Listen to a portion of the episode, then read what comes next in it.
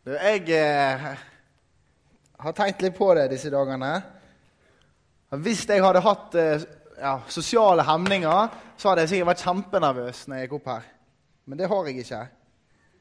Så det er jo det godt, av. Men jeg har en, jeg sånn frykt. Det er, vet ikke, ja. det, det er å rape når jeg taler. Og så var jeg så dum nå at jeg hadde med meg Farris og så og drukket det. Så jeg bare beklager på forhånd hvis uhellet skulle være ute. Det er liksom greit å ha bare sagt det. Eh. Så jeg, jeg, er ikke akkurat objektiv når jeg sier det, da, men det har, har vært eh, veldig flotte møter til nå. Ja. Eh, men det har vært, jeg synes det har vært veldig kjekt å være her, og det var godt å preike her. Eh, og da har jeg sagt til, til noen da, at jeg eh, Jeg har hatt et litt, sånn, litt forhold til Betlehem.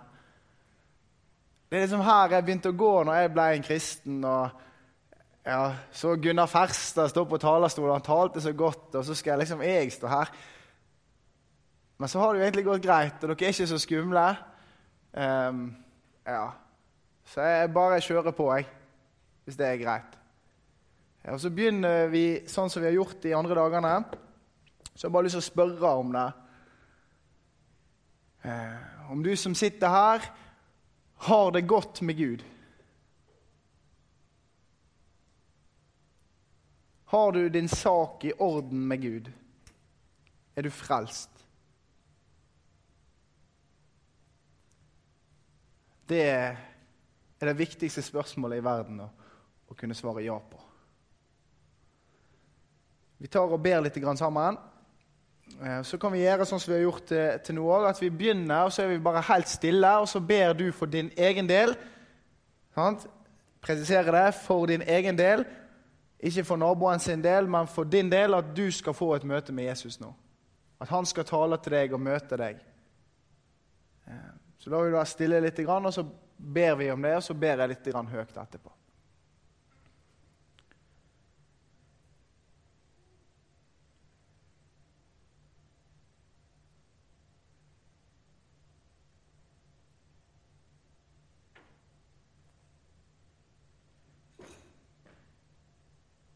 Ja, kjære Jesus, takk for at du er her nå. Du er her midt iblant oss. Det har vi ditt ord på.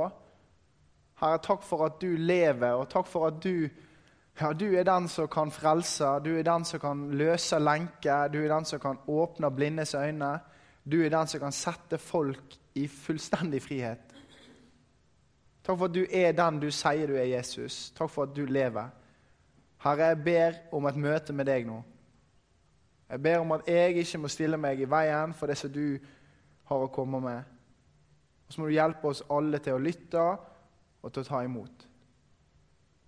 I ditt navn, Jesus. Amen. I dag så har jeg lyst eh, til å um, ja, gå innom to sånne nøkler nøkkelhendelser i Jesus sitt liv. Eh, men først så Jeg er jo egentlig utdanna lærer, da. Og, eh, og, det er jo eh, Noe av det første vi lærte på lærerskolen, det er at repetisjon er all lærdomsmor. Ja, det er kjedelig, kanskje, men det er viktig. Og da må vi ha en liten sånn bare eh, sveipe innom noe som vi, vi var innom i går òg. Eh, Edens hage når Gud hadde skapt alt, og alt var i harmoni, alt var perfekt Det var uh, uten synd. Um, og mennesket levde i det som de var skapt til, samfunn med Gud. Og så hadde de fått én regel om å ikke spise av treet til kunnskap om godt og ondt. Det brøt de. Så ble de kasta ut av Edens hage, og med det kom synd, død, ødeleggelse inn i verden. Og mennesket ble satt utenfor samfunnet med Gud. Det kom et skille mellom mennesket og Gud synd. Mennesket døde åndelig, og de lever med ryggen fra Gud. Men Gud har helt siden da søkt å gjenopprette søkt å igjen komme i samfunn med oss mennesker. Og Nå skal vi se på hvordan Gud har gått fram for å komme i samfunn med meg og deg. Og Da spoler vi noen tusen år fram. Vi er ved Jordanelvens bredder. Og Der lyder det en røst med et klart og tydelig budskap. Vi er i Matteus 3, vers 2. Denne røsten tilhører døperen Johannes, en mann som er drevet av Den hellige ånd. Og vi hører han rope i vers 2 der. Vend om, for himmelriket er kommet nær. Og så, Hvis vi ser på han nå, døperen, så ser han jo gal ut der han står. Med kamelhårskappa og lærbelte om livet. Sikkert sjuskete på håret og heilskjegg.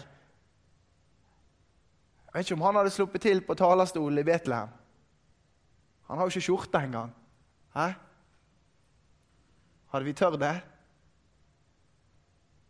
Og dietten hans var villhonning og gresshoppe. In your face 5-2-dietten, eller hva det er. Ja? Her er tingen. Gresshopper og villhonning. Han ser kanskje gal ut, men det er ikke en gal manns tale. Vend om, for himmelriket er kommet nær.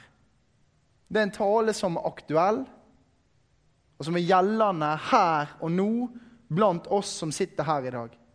Vend om, for himmelriket er kommet nær. Det er en ransakende tale. Vend om. Kanskje ingen overraskelse, da. Men døperen Johannes, han drev og døpte. Det, det sier seg jo kanskje sjøl. Han døpte folk. Og I Matteus 3,11 så står det 'Jeg døper med vann til omvendelse'. Han døpte med vann til omvendelse. Og I Lukas 3 bør ikke slå det opp, men da, da kan det se ut som at, at, døperen har en sånn Og det her har jeg lært av Øyvind Andersen. da. Er, men da ser det ut som han har en sånn eh, sjelesørgerisk samtale med den enkelte som kommer til han og vil bli døpt. Der han liksom ja, Hva synd er det du har å bekjenne? Og så bekjenner de sin synd. Sånn de romerske soldatene som kom, de, de fikk beskjed om å ikke utøve unødvendig vold og ikke presse folk for penger, men å nøye seg med lønna si. Og så døpte han de på bekjennelsen av synden sin. Med vann til omvendelse. Um, og da er vi Matteus 3,13. Det første viktige stoppestedet i dag. Da kom Jesus fra Galilea til Johannes ved Jordan for å bli døpt av han. Og Så ser jeg for meg det at Johannes har sikkert hatt den vanlige, den vanlige praten som han hadde med alle de som kom og ville bli døpt. Der de måtte bekjenne sin synd. Og så tror jeg at denne gangen så ble den praten ganske kort. Veldig kort. For her sto han ansikt til ansikt med en mann som ikke hadde noe å omvende seg ifra. En mann uten synd. En mann som har levd hele sitt liv i fullkommen lydighet og overgivelse til Gud og hans bud. Det er ikke et eneste avvik i Jesu liv i forhold til Guds bud. Han har ingen synd å omvende seg ifra, ingen synd å bekjenne. Men likevel så blir Jesus denne dagen døpt på en synsbekjennelse. Jesus bekjenner synd når han blir døpt. Han bekjenner min og din synd som sin i dåpen. I dåpen så stiller han seg ansvarlig for våre synder. For min og din synd. I dåpen så begynner Jesus sin gjerning sånn offisielt som syndebæreren. Han bekjenner alle verdens synder som sine. Og det her er eh, Luther, da, men det er litt sånn fritt oversatt av Ruben. Eh, men Luther, fritt oversatt av Ruben, sier at dåpen er på en måte Jesus sitt ja til Faderens kall. Og i dåpen så blir Jesus spurt vil du være Adam som falt. Vil du være David som drev hor? Vil du være Peter som fornekter? Vil du være Paulus som forfølger? Vil du være Ruben med alt det han har gjort? Og i dåpen så svarer Jesus ja. Så bekjenner han mine og dine synder som sine egne. Og Det er etter dette at døperen Johannes i Johannes 1,29 peker på Jesus når han kommer gående, og sier 'Se der' er Guds lam som bærer bort verdens synd. Da har han bekjent våre synder som sine. Han er Guds lam. Det var første stoppet. Nå har vi sett at Jesus bekjenner seg ansvarlig for våre synder.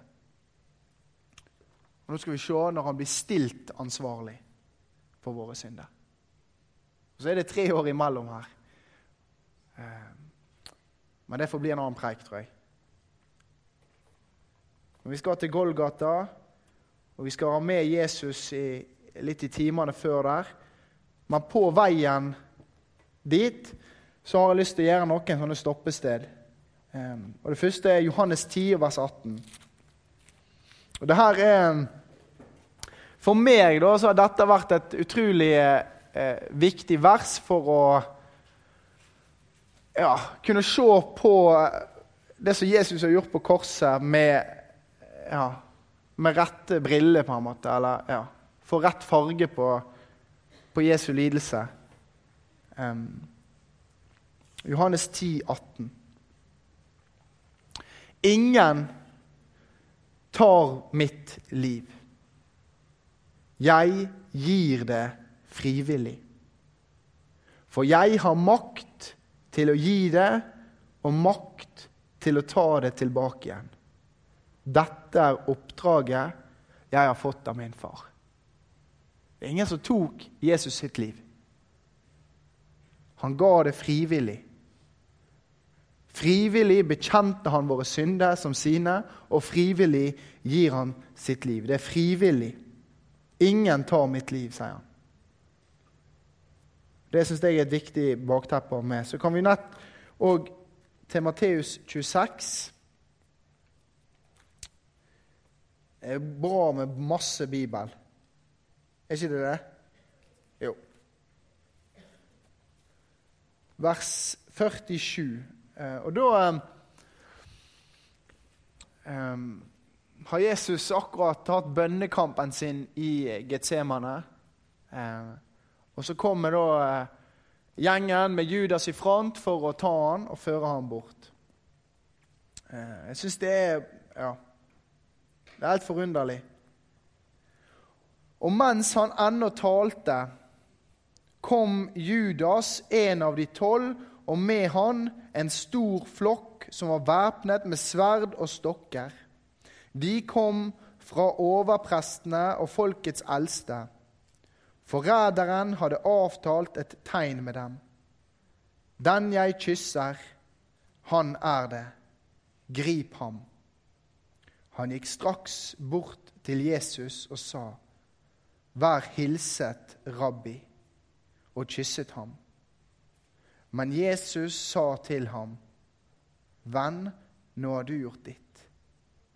Da kom også de andre til, og de la hånd på Jesus og tok ham til fange. En av dem som var sammen med ham, grep sverdet sitt, trakk det, hogg etter øversteprestens tjener og kuttet av ham øret. Da sa Jesus til ham, stikk sverdet ditt på plass igjen. For alle som griper til sverd, skal falle for sverd. tror du ikke jeg kan be min far, og han ville straks sende meg mer enn tolv legioner engler. Men hvordan skulle da Skriftene oppfylles, de som sier at dette må skje? Tolv legioner engler. Én legion det kan være opptil 6000. 72 000 engler. Ei bønn unna.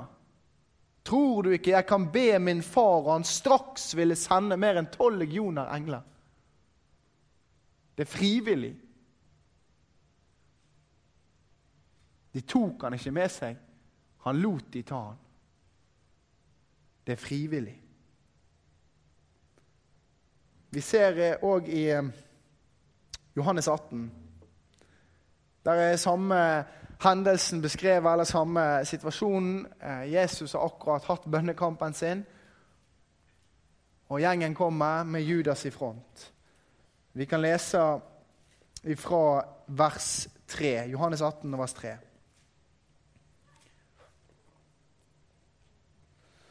Judas hentet nå vaktstyrkene og noen av overprestenes og fariseernes vaktmenn.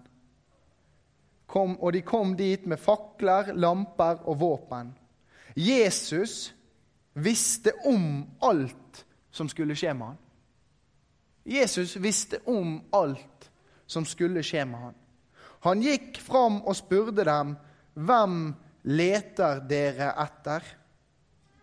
Jesus fra Nasaret svarte de, 'Det er jeg', sier Jesus. Judas, han som forrådte ham, var også der sammen med dem. Da Jesus sa, 'Det er jeg', rygget de tilbake og falt til jorden. Det er jeg. Jesus gir seg til kjenne, og de faller bakover til jorda. Det er frivillig, ikke tvang. Med et ord så kunne han gått fri derifra. Det er jeg. Og de falt tilbake igjen. Så reiser de seg opp igjen og retter litt på hjelmen og faklene i hånda igjen, og så tar de han. Så fører de han til øverstepresten. Og da er vi i Markus 15. Um, Markus 15 og vers 60. Eh, de tar Jesus med seg til øverstepresten. Ja, der forhører de han, og de framfører falske anklager mot ham. Men så er greia at at de motsier seg i løgnen sin. Så de klarer ikke å få dømt han når de fremfører løgn. Og Så leser vi der fra Markus 15 over 60. Nei, Markus 14 over 60. Beklager.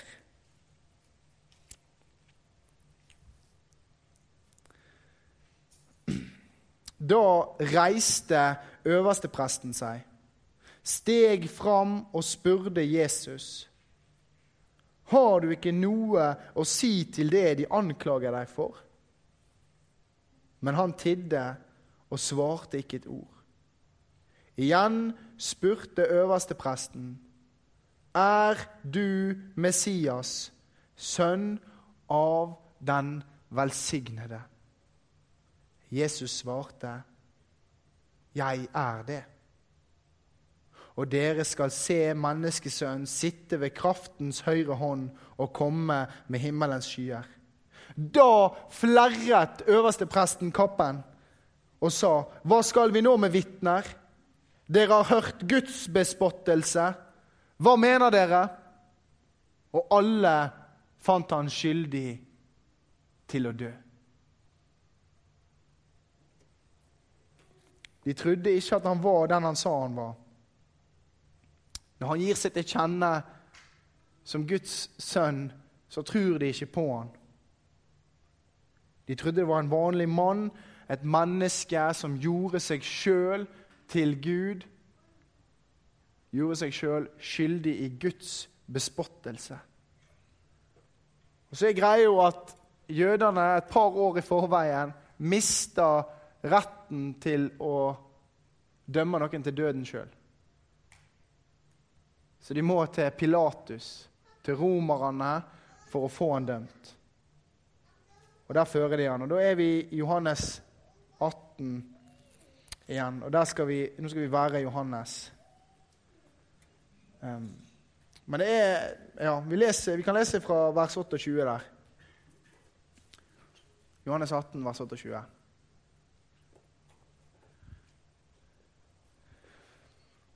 Så står det sånn Så førte de Jesus fra Kaifas til landshøvdingens borg. Det var tidlig på morgenen. Selv gikk de ikke inn i borgen, for de ville ikke bli urene, for da kunne de ikke spise påskemåltidet. Hæ? Det koster ingenting å, å lyge for å få en uskyldig mann dømt til døden. Men å gå inn i landshøvdingens borg så de kunne bli ureine Jeg bevarer meg vel. Det er religion, et sett med regler. De er så bundne. Så Pilatus måtte komme ut. Og Han òg ser et vanlig menneske der sammen med dem. Pilatus gikk da ut til dem og sa:" Hva er anklagen som dere fremfører mot dette mennesket? De prøver å få han dømt. Pilatus tar Jesus inn til avhør, men han finner ingen skyld hos han. Jeg tror Fem ganger så sier Pilatus det. Fire eller fem ganger. Jeg finner ingen skyld hos ham. Men allikevel, for å tekke jødene, så overgir han til pisking. Da er vi Johannes 19, vers 1. Pilatus grep nå Jesus og lot ham bli piska. Og piskingen der, det var ikke tull. Romerne hadde funnet ut at de kunne slå noen med pisken 39 ganger, for da døde de ikke. Og inn i pisken så surra de beinrester. Og, og så slo de. 39 ganger. Flerra opp ryggen hans. Blodet begynner å dryppe. Og han står der frivillig. Frivillig.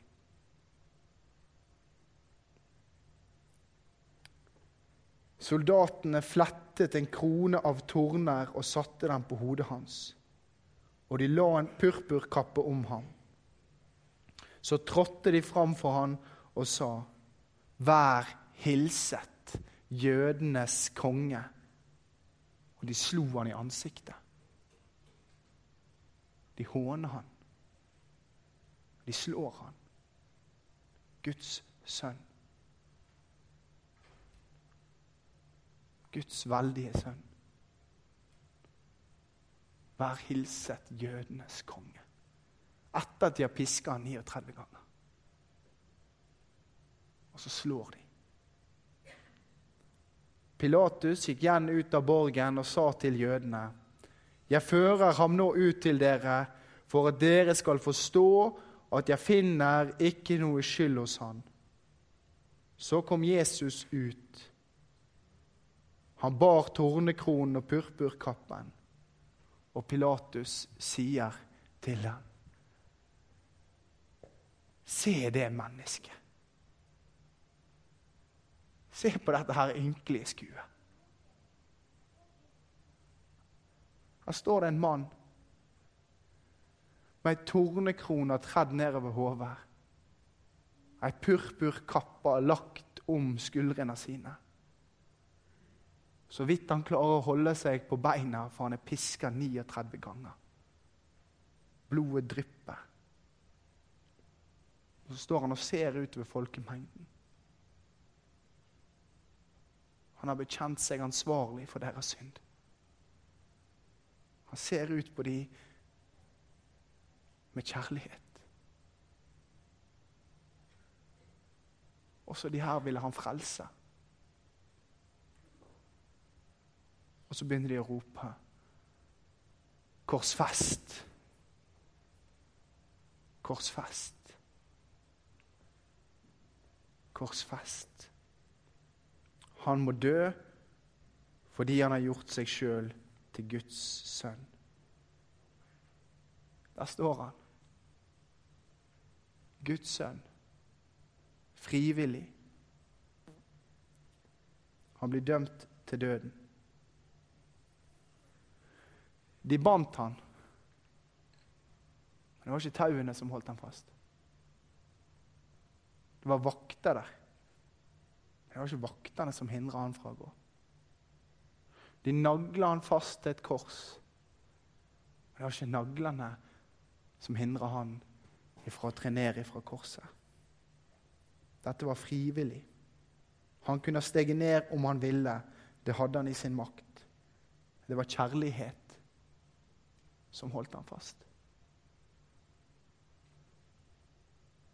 Kjærlighet til meg og deg. Han valgte å elske. Han valgte naglene. Han hadde bekjent i dåpen min og din synd som sin egen. Og nå skulle han bli stilt til ansvar for min og din synd. Det var ikke de fysiske lidelsene som var det verste for Jesus. Det verste var nå at han skulle møte Gud som meg. Han skulle møte Gud som deg. Med alt du har vært og alt du har gjort, med all din synd, skulle han tre fram for den hellige Gud. Jesus møtte Gud som om han var meg og deg. Det må være redselsfullt. Han sto til rette framfor Gud for det som jeg har gjort, for det som jeg har vært. Dette er på et helt annet plan enn fysiske lidelser. Dette er snakk om Guds vredesdom over synd. Det å si at synd ikke er alvorlig. Se på han nå. Er ikke synd alvorlig? Ser Gud gjennom fingrene på synd? Han knuste sin egen sønn for synden vår.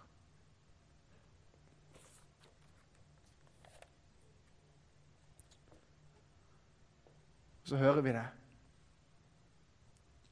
mens han henger der. Eloi, Eloi, lema sabachthani. Min Gud, min Gud, hvorfor har du forlatt meg? Guds egen sønn roper det. Og så har jeg tenkt på det at hvis Gud skulle svart på det Hvorfor han forlot Jesus, så tror jeg han ville svart på grunn av Ruben. På grunn av deg. På grunn av din synd ble Jesus forlatt. så ble Jesus knust. Så led Jesus døden. Hvorfor har du forlatt meg? På grunn av Ruben. Det var ikke en vanlig henrettelse, dette her. Det er ikke mennesket som holder dom over et annet menneske. Men det er Gud som holder dom over vår synd Det står det i Jesaja 53, 10, eller noe sånt, at det behager Gud å knuse ham.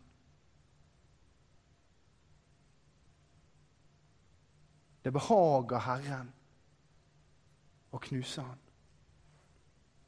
Det var Gud som knuste han, sin egen sønn, og det behaget han. For all synd blei gjort opp for. Gud har holdt dom over vår synd. Det ble gjort for over 2000 år siden på et kors.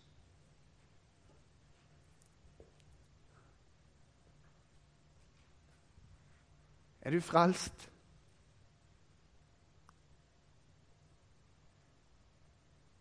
Hvordan stiller du deg til Jesus? Er det en vanlig mann som henger her på korset? Piska, forslått, hånt, døende, naken. Så er ikke det noe å, å snakke om. Men hvis det som vi nå har sagt, at han bekjente min og din synd som sin egen, at det er Guds sønn som henger der på korset i vårt sted, da er det her det vakreste synet som vi kan feste øynene på. Dette er det vakreste synet vi kan se. For det betyr at det er håp. Det betyr at det er frelse. For deg. For meg. Der, på korset, er vår frelse. Hvordan stiller du deg til Jesus?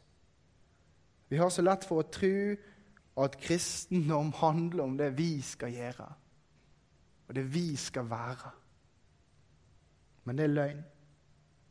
For det handler om Jesus, og det handler om det han har vært, og det han har gjort for oss. Kristendom handler helt enkelt om du stoler på at Jesus har gjort alt ferdig for deg. Om du stoler på at han som døde på korset, døde for deg. Gud spør ikke etter hva du har gjort, men han spør hvordan har du stilt deg til min sønn? Så da spør jeg hvordan stiller du deg til Jesus? Amen.